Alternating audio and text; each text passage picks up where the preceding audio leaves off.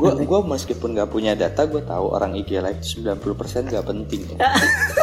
ya itu haknya dia Iya, cuman cuman nemenin nemenin makan gitu ya Mas ya. iya iya Terus eh, ditaruh di dashboard mobil. Ini macet nih guys gitu ya. Iya. itu biarin aja sih gitu kan ya kalau emang lu ngerasa ada ada bisnis yang nggak fair ya memang harusnya yang dikejar pajak karena itu nggak kena juga mungkin itu nggak mengubah banyak situasi dicoba yang tadi siaran live yang gue sebel adalah kenapa kita jadi korban di antara perang bisnis ini Kalau bicara level playing field Mas, sebenarnya kan dia sudah menjadi konglomerat juga kan. Menurut Mas Ekel gimana? Iya.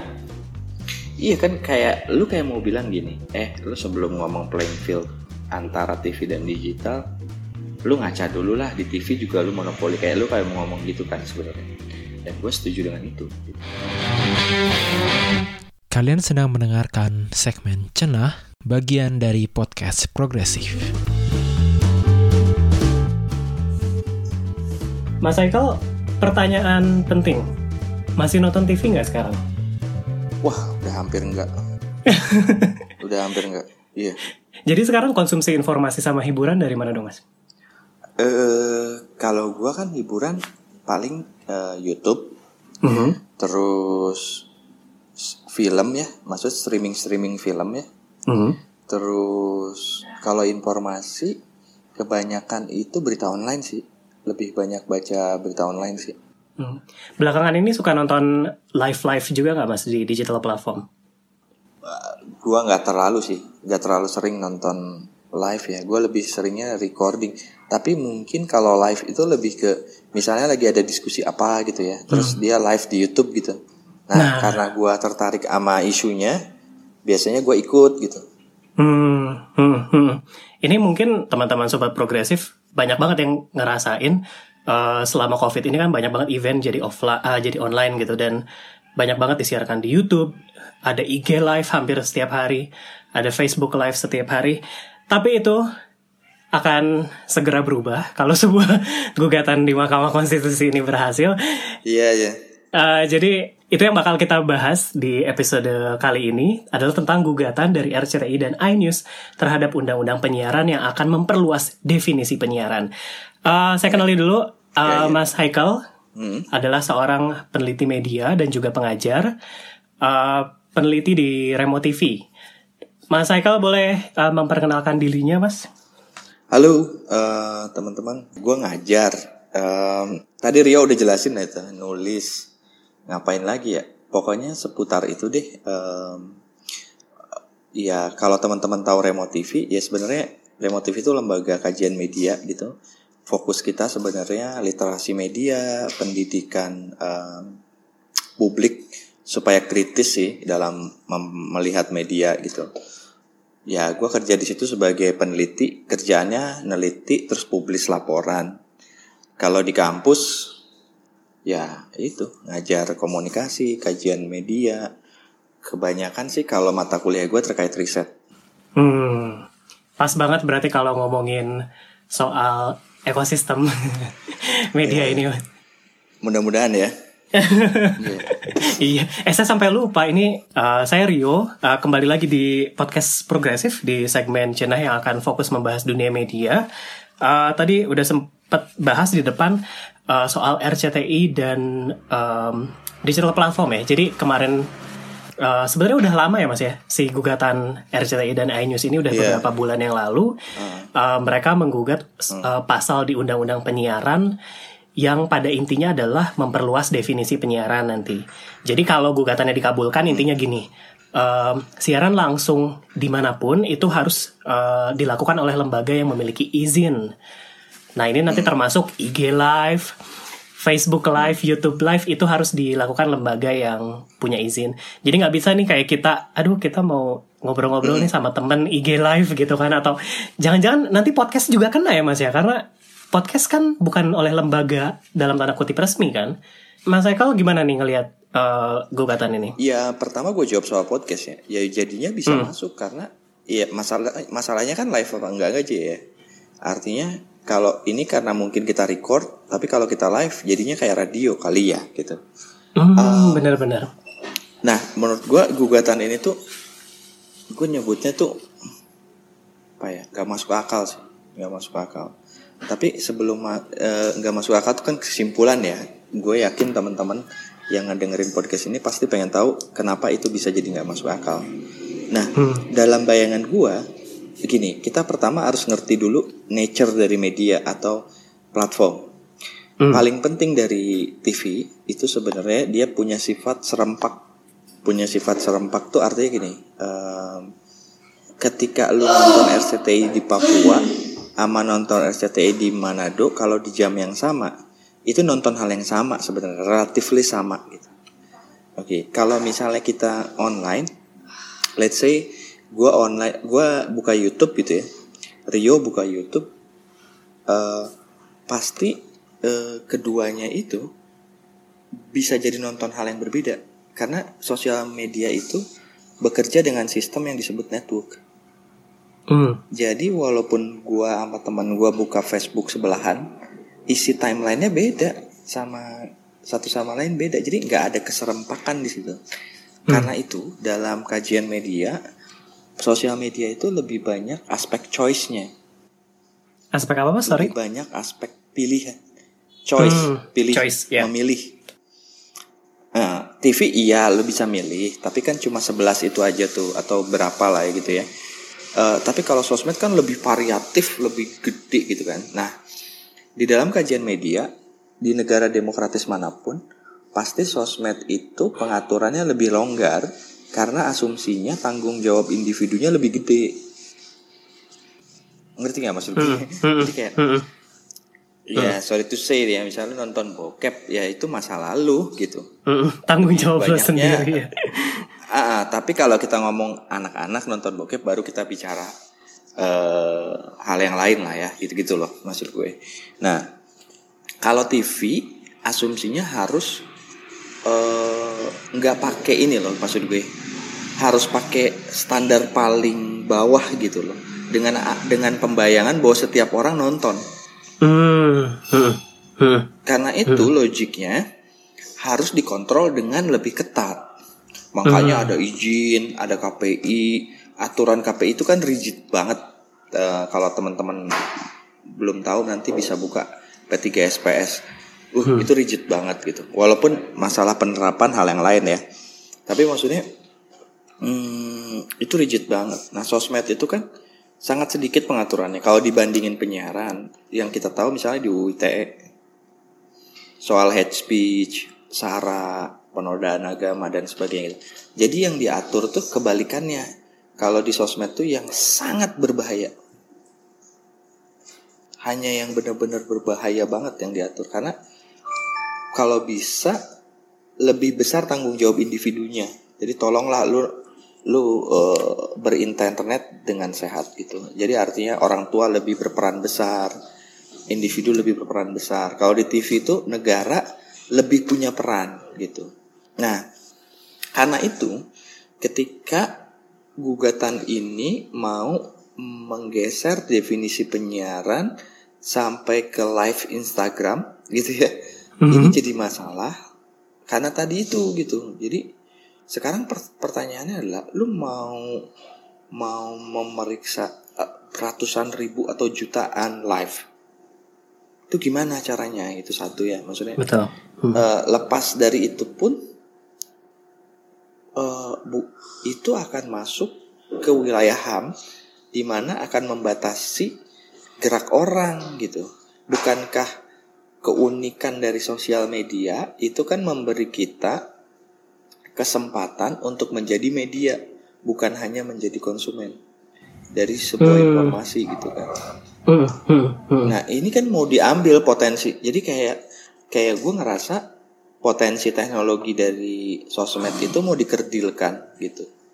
Mau dibikin kerdil dengan argumentasi seolah-olah ini masalah konten. Padahal kalau menurut gue masalah bisnis. Jadi ada satu sobat progresif namanya Han Riano dia bilang kalau uh, orang yang mau live itu harus izin dulu, jadinya cuma media dong, nggak ada sosialnya. Uh, terus uh, ada juga Waritsa yang dia bilang nggak harus izin, ini bisa jadi akal-akalan para sesepuh TV karena terusik media anti mainstream. Menurut uh, Mas Eko gimana? Jadi kan ini udah isu lama. Jadi sebenarnya kalau teman-teman aware, ini gua kalau lu segitu pengangguran dan isengnya, lu googling berita-berita lama, rencana KPI mau mengawasi sosmed. Gue pernah nulis itu di Geotime. Jadi isu ini sebelum dibawa oleh MNC, KPI itu pernah uh, mengusulkan agar wewenang mereka tuh sampai mengawasi konten sosmed. Betul. Dengan dengan logika yang sama mau memperlebar definisi penyiaran. Gue curiganya ide ini kayaknya hmm, udah berhembus di kalangan itu Nah, mungkin masuk lewat KPI dulu, terus kemudian MNC uh, eh, masuk lewat peradilan gitu.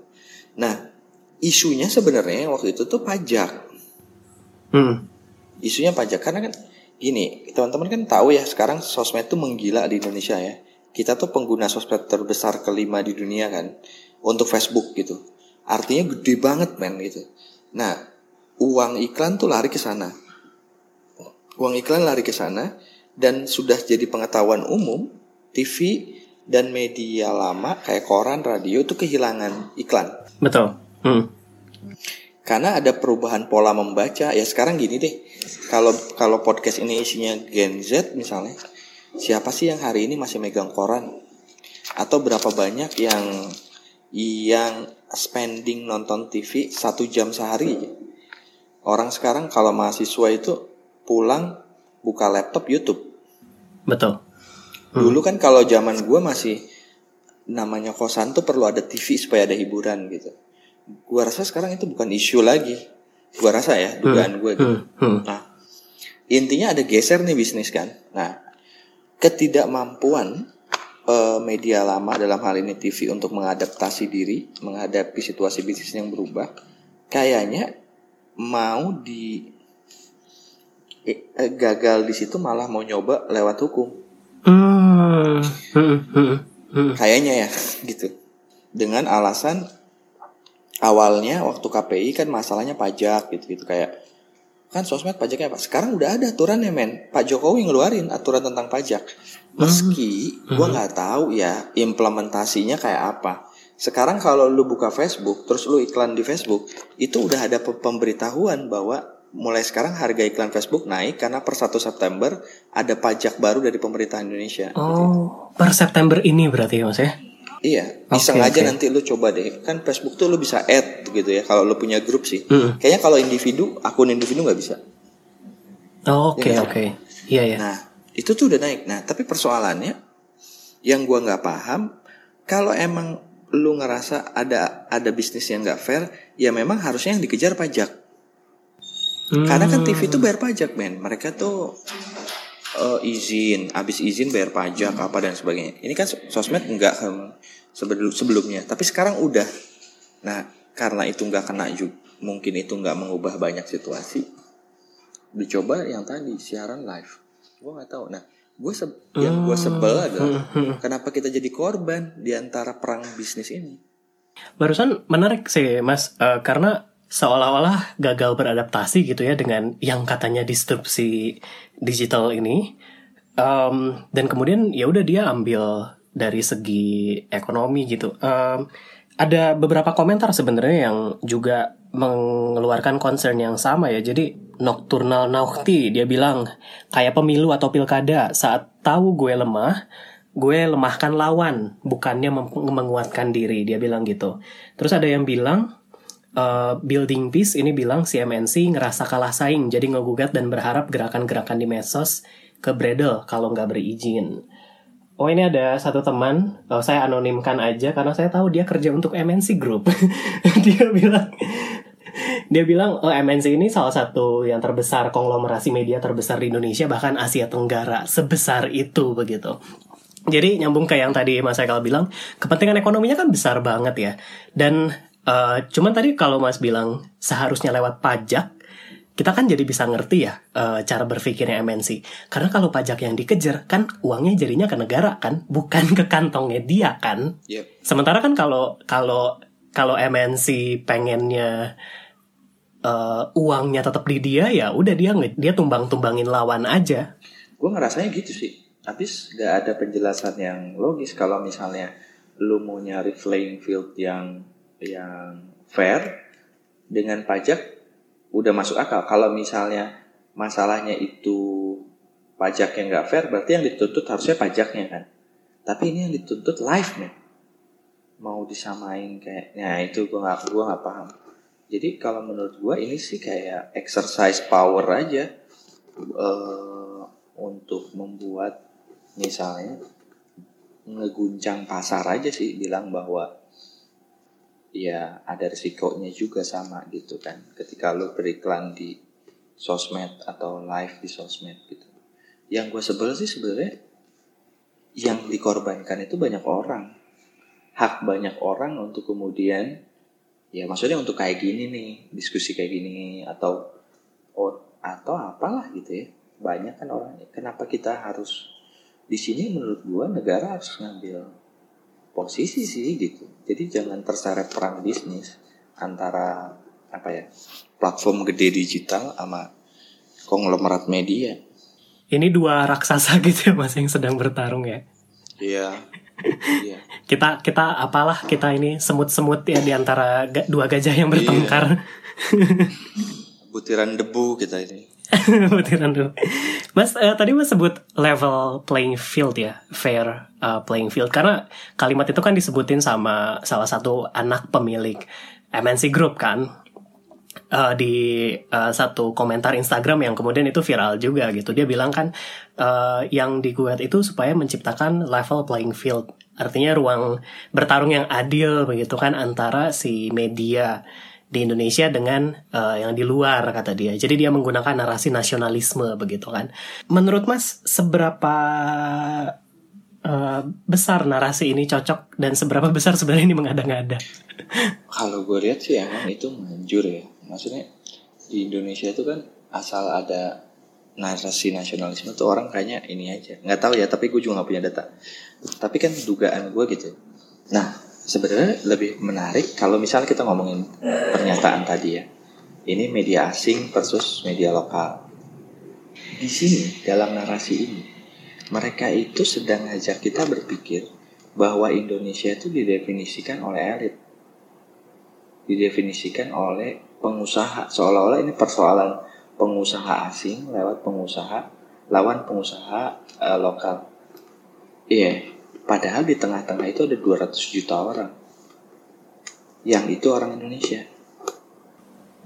Hmm, hmm, hmm. Aduh, ini lu mau bungkus ini apa namanya mau bungkus nasi basi sama sama uh, kemasan yang bagus seolah-olah ya nggak enak tetep bos gitu mau mau bungkusnya keren kayak gimana nggak enak Ya karena kan orang yang menggunakan sosmed orang Indonesia. Hmm. Orang hmm. yang bayar pajak sosmed itu orang Indonesia. Jangan lupa loh, pajaknya sosmed itu diambil. Lu pikir Facebook yang bayar? Enggak, pas lu iklan. Itu kan di, dinaikin harganya untuk menyesuaikan pajak. Kan kita yang bayar.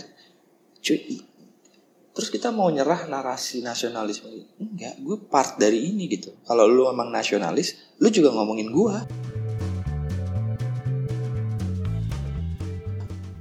Dan bicara soal level playing field, eh, sebetulnya kan MNC juga uh, konglomerasi ya mas ya, besar banget kan. Um, dan ini teman-teman di Remote TV juga kan udah sering raise soal ini bahwa kepemilikan media di Indonesia kan cuma terkonsentrasi kalau nggak salah di 10 10 orang ya. Di tangan 10 orang. Jadi bayangkan teman-teman ratusan media yang ada di Indonesia itu TV radio koran itu cuma ada di 10 orang. Gue boleh koreksi nggak? Lebih parah lagi Eh gimana? Ross gimana? Rapsel di bukunya yang baru kan udah 8 sekarang. Oh udah 8 malah? 8, merger terus. Iya. Lebih terkonsentrasi jadi, lagi malah. Tingkat kegawatannya. Iya.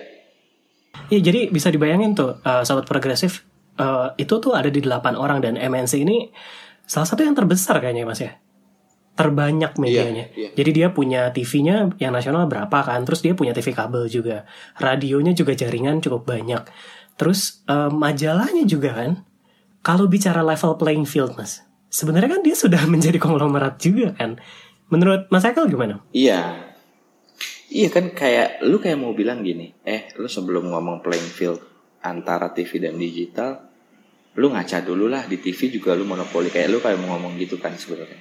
Dan gue setuju dengan itu. Gitu. Nah tapi memang kalau kita ngomong di konteks di ekosistem media yang nggak terbatas di penyiaran dan digital, artinya secara lebih luas, Hmm. ini tuh tren global, tren global di mana semua orang yang beralih ke sosmed gitu, atau setidaknya mengkonsumsi sosmed lebih banyak dibanding media.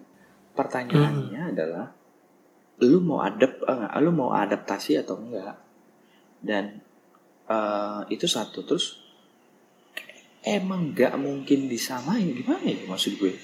Sekarang gini, gue kan di remote TV juga dulu waktu masih megang di manajerial, misalnya kita ngiklanin sebuah tulisan atau kita ngiklanin video. Iklan di YouTube itu atau misalnya di Facebook itu murah banget. 30 ribu tuh seharian tuh lo bisa iklan. 30 ribu. iya tapi ada ininya dia ada menunya kayak jangkauannya segini ininya segini gitu gitu kan Oke oke. Tapi tapi at least dengan 30 ribu kita udah bisa ngiklan ya mas ya. nah maksud gue gini Rio nggak bakalan apple to apple sama TV Hmm. nggak bakalan apple to apple dan memang memang gini loh situasinya nggak menguntungkan media lama hari ini gitu lu mau gimana pun gitu nah tapi ini tuh jangan lu terjemahkan dengan kekuasaan mengatur regulasi harusnya itu kan masalah ini kan kayak gini loh kayak ada zaman Gojek dulu mulai rame ada seje- ada banyak opang yang merasa bahwa Gojek itu mengambil rezeki mereka Betul. itu umum banget bahkan ada dulu inget nggak lo spanduk-spanduk yang oh, oh, Gojek dilarang masuk ke perumahan ini gitu Betul. kan Yang Wajib kayak pakai gitu-gitu. atribut gitu ya mas ya. Ah, wajib pakai gitu-gitu. Nah, di satu sisi memang itu tuh eh, ya ada masalah misalnya Gojek nggak punya ya walaupun akhirnya dipajakin dulu kan nggak ya gitu-gitu. Hmm, hmm, hmm. Akhirnya dipajakin dan sebagainya. Nah, tapi juga si Opang ini harus mulai berbenah kan? Hmm. Ngerti nggak maksud gue? Hmm, hmm. Nah, ini situasi itu kayak gitu maksud gue. Ini kita sebut aja nih men situ Opang sebenarnya, ojek pangkalan. ya.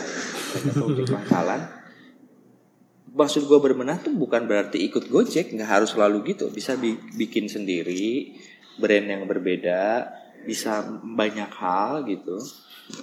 Yang jelas jangan mengorbankan regulasi eh, demi kepentingan bisnis lo dan mengabaikan 200 juta orang. Kalau memang dia maunya playing field yang ini ya beda apa masalahnya? Misalnya pajaknya kurang ataunya apanya gitu loh maksud gue tapi yang jelas aneh kalau lu melarang orang bersiaran. Sesusah itu adaptasi TV ke dunia digital. Gua ya pasti kalau susah pasti susah sih maksud gue. Kebayang nggak lu udah punya corporate yang birokrasinya gede banget gitu. Terus cara kerjanya pola kerja lama terus transform ya. Itu kan susah ya. Emang susah. Tapi kan persoalannya realitas bisnis men, realitas bisnisnya gitu. Nah, gue gue nggak tertarik masuk ke harusnya MNC gimana tapi maksud gue poin gue di sini tuh gini jangan jadikan kepentingan bisnis lo mengorbankan orang banyak that's it gitu. Hmm, hmm. dan gue sih di sini pun nggak for Netflix nggak for Facebook nggak for Twitter toh pada saatnya kita harus kritik mereka kita akan kritik kan maksudnya Iya kan, maksudnya bukan hal baru juga kita ngomong tentang Facebook, konten moderasinya yang mengizinkan sara, konten moderasinya yang mengizinkan uh, hate speech gitu ya. Iya, ini bukan persoalan karena gini, resiko hari ini tuh kayak seolah-olah ketika ada perang besar di antara dua bisnis ini, kita setiap komentar kita ditaruh di mana gitu. Kalau gue sih konteksnya bukan dalam membela uh, platform gede. Betul, enggak. betul, Tapi betul, justru yang betul. harus kita pikirin orangnya. Hmm. Karena justru ini membicarakan kepentingan yang 200 jutaan rakyat Indonesia itu Iya. ya mas ya. Akses terhadap uh, informasi, hiburan yang berkualitas begitu. kemarin kan uh, direspon si gugatan ini kan udah direspon sama beberapa pihak ya seperti Kominfo begitu yang mengungkapkan harapannya gitu bahwa gugatannya ditolak. uh, tapi di sisi lain kan sebenarnya pemerintah juga ingin mengontrol ini lewat jalan lain kan yang tadi yang KPI tadi. Kalau dari Mas Eka sendiri sebenarnya yang idealnya gitu ya uh, kayak gimana sih? Ini diserahkan aja ke masyarakat gitu biar biar self regulating atau gimana? Enggak, ada bagian negara, ada bagian masyarakat. Nah, kita pilah ya gitu. Tadi gue sepakat kalau head speech itu negara harus masuk. Negara harus masuk. Ini kita lepas dari ngomongin UIT sendiri definisinya karet dan sebagainya ya. Tapi hmm. maksudnya gue setuju bahwa head speech itu harus diregulasi sama negara gitu. Karena itu itu kalau di demokrasi itu unprotected speech.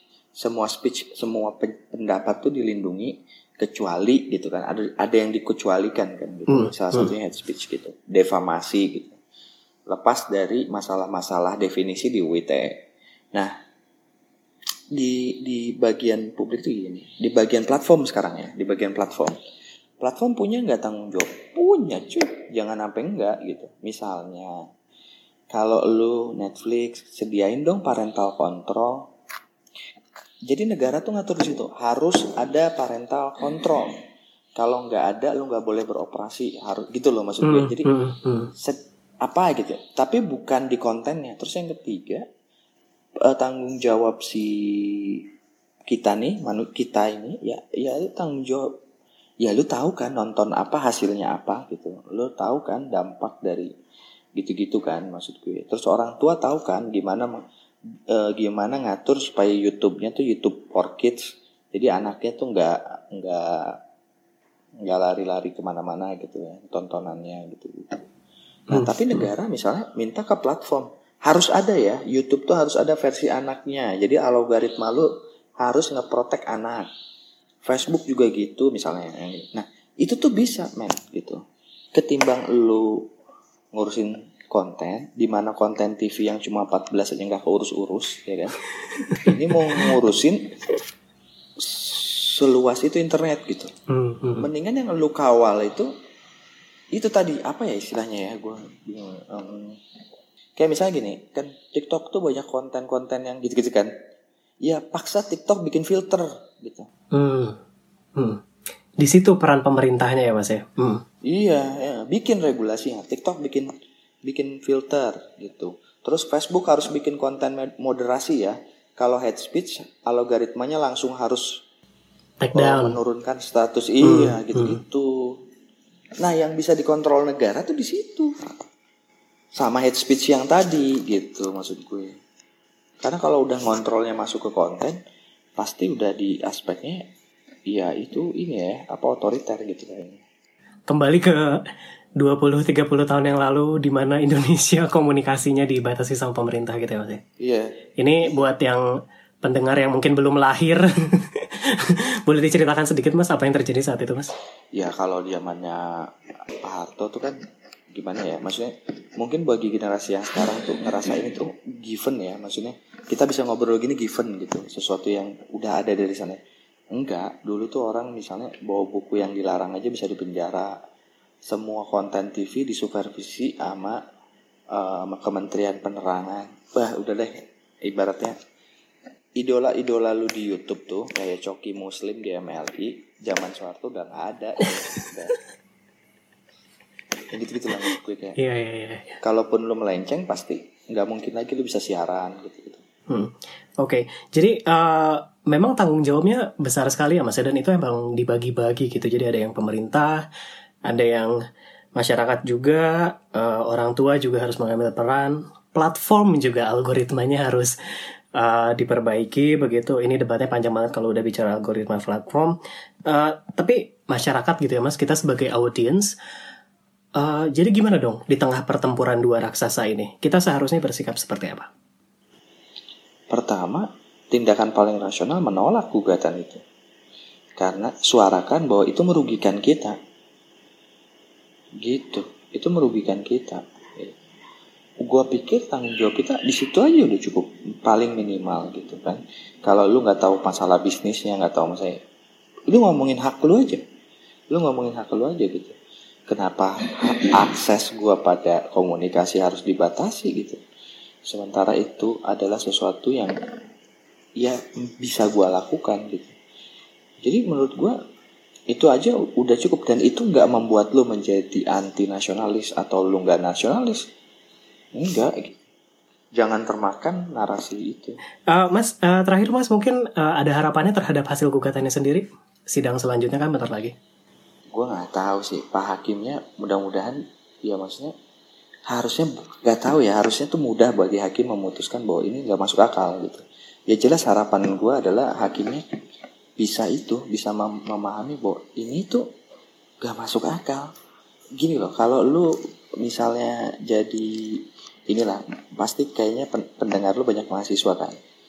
Kalau mahasiswa kan skripsi misalnya pertanyaan penelitian metode sama ini nggak nyambung kan gitu ngomongnya tuh playing field. Tapi tuntutannya ngelarang live Instagram ini di mana logikanya? Nggak ada hubungannya. Ngerti nggak maksudnya? Hmm, hmm, hmm, nah harusnya kan hukum juga bekerja dengan gitu ya. Ininya tuntutannya apa? Terus ininya apa? Jadi gua rasa harusnya nggak sulit gitu bagi hakim untuk bilang enggak Amin, amin. Semoga itu jadi uh, harapan kita semua bersama ya mas ya. Karena kalau itu dikabulkan nanti kita nggak bisa IG live IG live lagi dong. ya, nggak bisa YouTube ya, YouTubean lagi dong. Wah gawat nih. Gue gue meskipun nggak punya data, gue tahu orang IG live 90% nggak penting. Ya. ya itu haknya dia. Iya, cuman cuman nemenin nemenin makan gitu ya Mas ya. Iya, iya. Terus uh, ditaruh di dashboard mobil. Ini macet nih guys iya. gitu ya. Itu biarin aja sih gitu kan ya ah, ah ya udah gitu. iya sih, gitu Rio. Siap, siap, siap. Alright, uh, thank you banget Mas Eko buat waktunya udah yeah. datang di podcast progresif di segmen Cina. Kalau ada teman-teman yang mau nyapa Mas di Twitter atau IG, mungkin boleh sebutin Mas handle-nya. Uh, gua gua punya Twitter tapi nggak pernah gua buka lagi ya. Jadi IG aja. boleh, boleh. Ya, IG gua Muhammad Hey Child sih. Siap. Nanti nanti pasti ditulis H E Y C H A E L. Bener gak mas? Iya. Oke. Okay. Facebooknya juga sama. Udah itu aja gue cuma main dua. Siap kalau gitu. Kalau ada sobat progresif yang punya ide tentang konten apa yang sebaiknya dibahas di podcast ini, uh, boleh juga colek-colek ke saya di Instagram atau Twitter di @riotuasikal itu R I O T U A S I K L nanti kita bisa diskusi lebih lanjut. Dan makasih banget udah mendengarkan episode ini sampai akhir. Jangan lupa dengerin terus podcast progresif yang segmen cenah yang akan terbit di Spotify setiap Kamis sore. Saya Rio Tosikal dan Mas Muhammad Aikal. Terima kasih dan sampai jumpa minggu depan. Thank you Mas. Terima kasih